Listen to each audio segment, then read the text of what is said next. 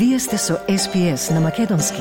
Слушнете повеќе прилози на sps.com.au козацрта на Седонин.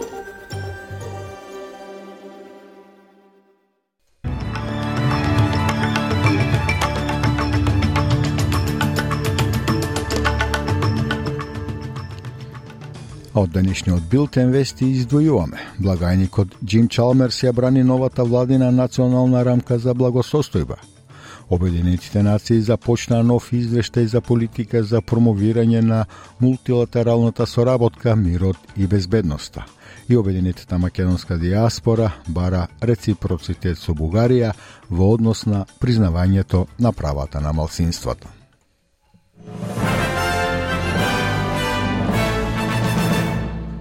Благајникот Джим Чалмерс застана во одбрана на новата владена национална рамка за благосостојба, како одговор на критиките дека некои од податоците што се користат во рамката се застарени. Рамката идентификува пет теми со цел да следи колку се здрави, безбедни, одржливи, кохезивни и просперитетни австралиците – Господин Чалмерс вели дека рамката е дел од напорот што има за цел да ги стави луѓето на предокот правишноста и можностите во сршта на економијата на Австралија. Тој вели дека ова е прв обид од вако вид и дека рамката ќе продолжи да се обновува потековните повратни информации од заедницата, новите истражувања и подобрените податоци. This is the first attempt at it, and one of the things that it makes clear uh, is that we need to do collectively a better job of measuring our progress over time. Uh, and we know where the gaps in the data are, we know where we need it to be more regular.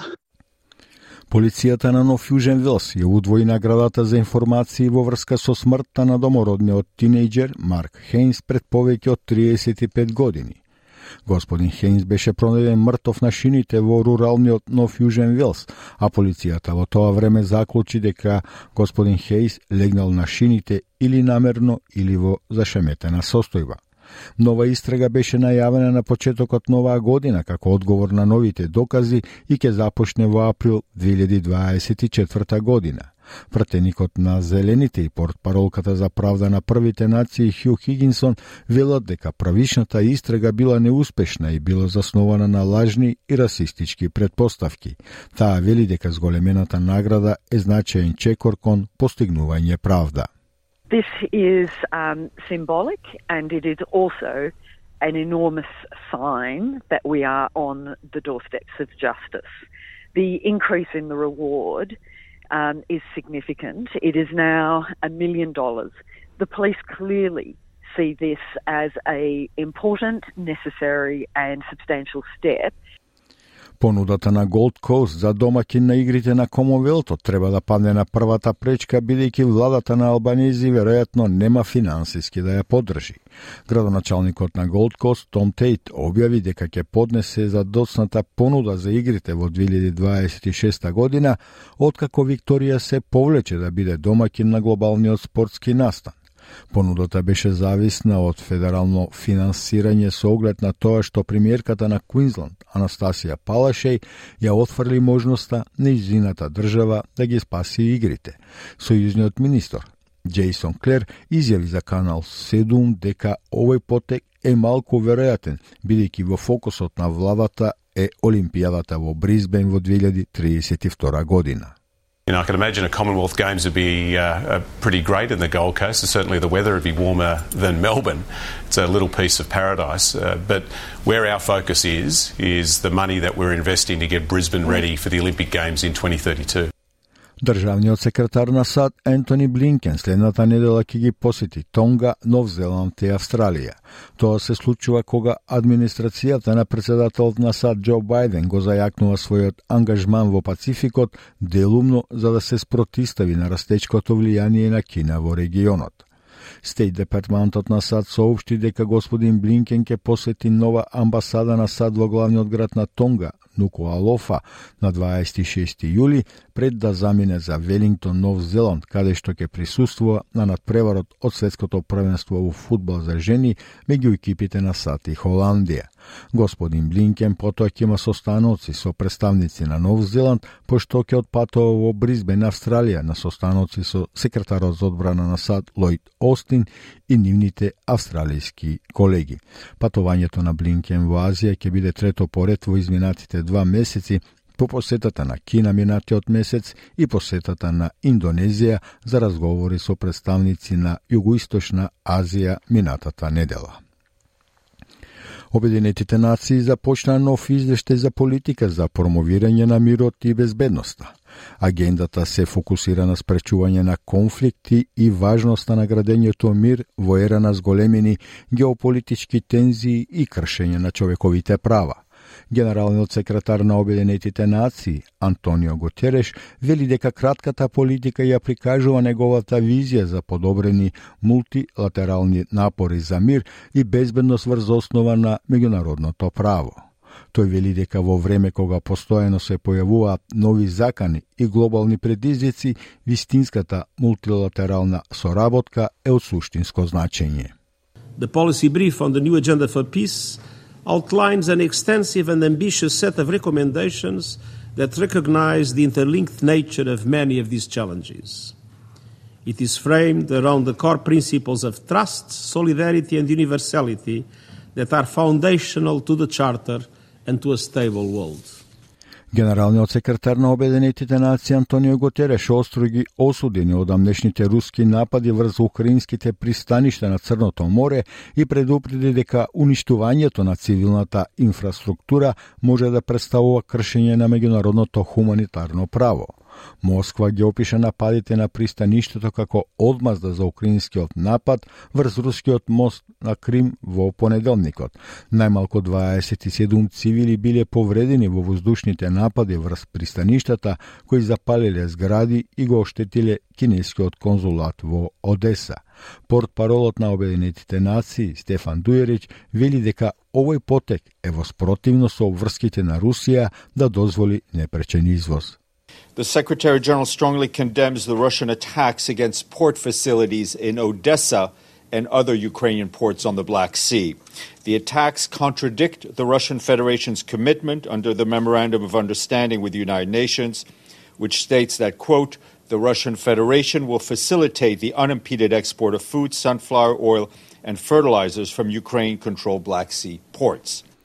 Тоа доаѓа само неколку дена откако Русија се откажа од договорот постигнат со посредство на Обединетите нации и Турција, кој овозможи безбеден црноморски извоз на жито од Украина во изминатата година.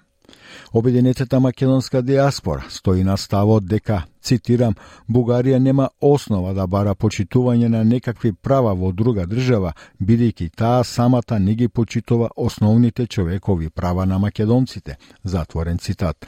Ова го изјави еден од основачите на ОМД, Методија Колоски, кој во посета на Скопје учествува во работата на првиот симпозиум организиран од Обединетата македонска диаспора со цел представување на можностите и потенцијалите на државата и македонската диаспора на глобалната сцена.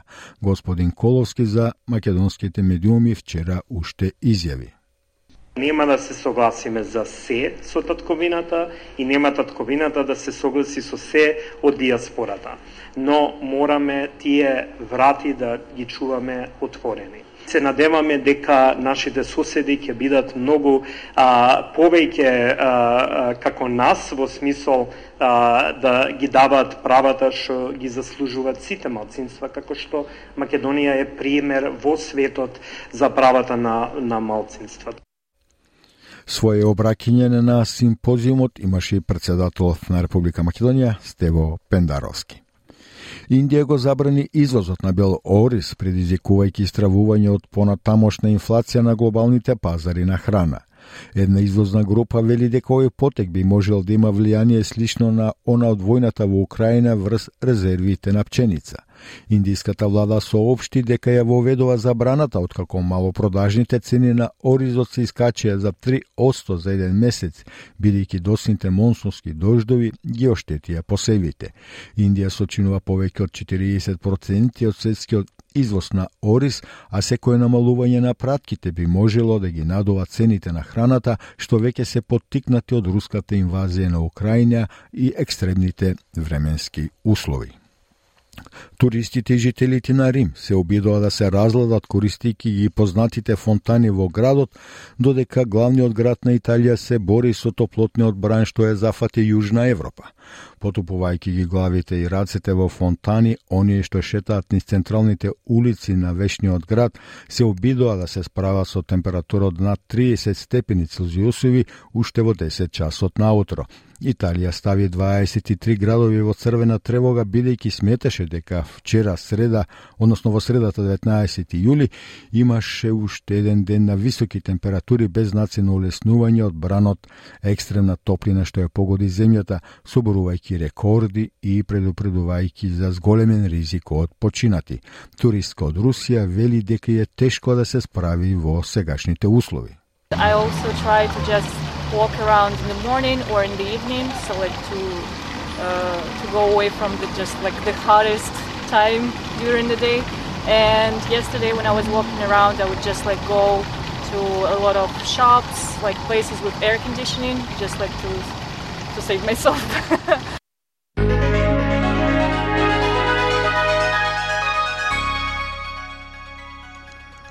Од најновата курсна листа за 21 јули денес еден австралиски долар се менува за 0,60 евра, 0,67 американски долари и 36,84 македонски денари, додека еден американски долар се менува за 55,36 македонски денари, а 1 евро за 60,95 македонски денари.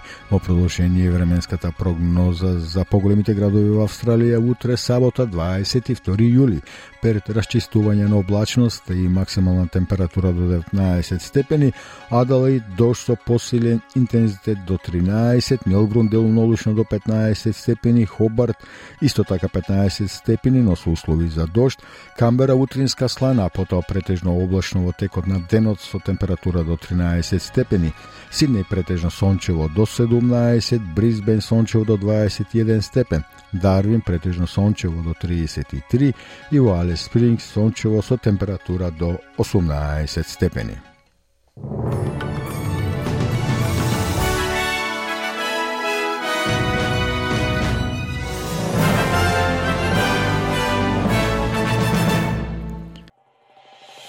Сакате ли да чуете повеќе прилози како овој? Слушате подкаст преку Apple Podcasts, Google Podcasts, Spotify или од каде и да ги добивате вашите подкасти.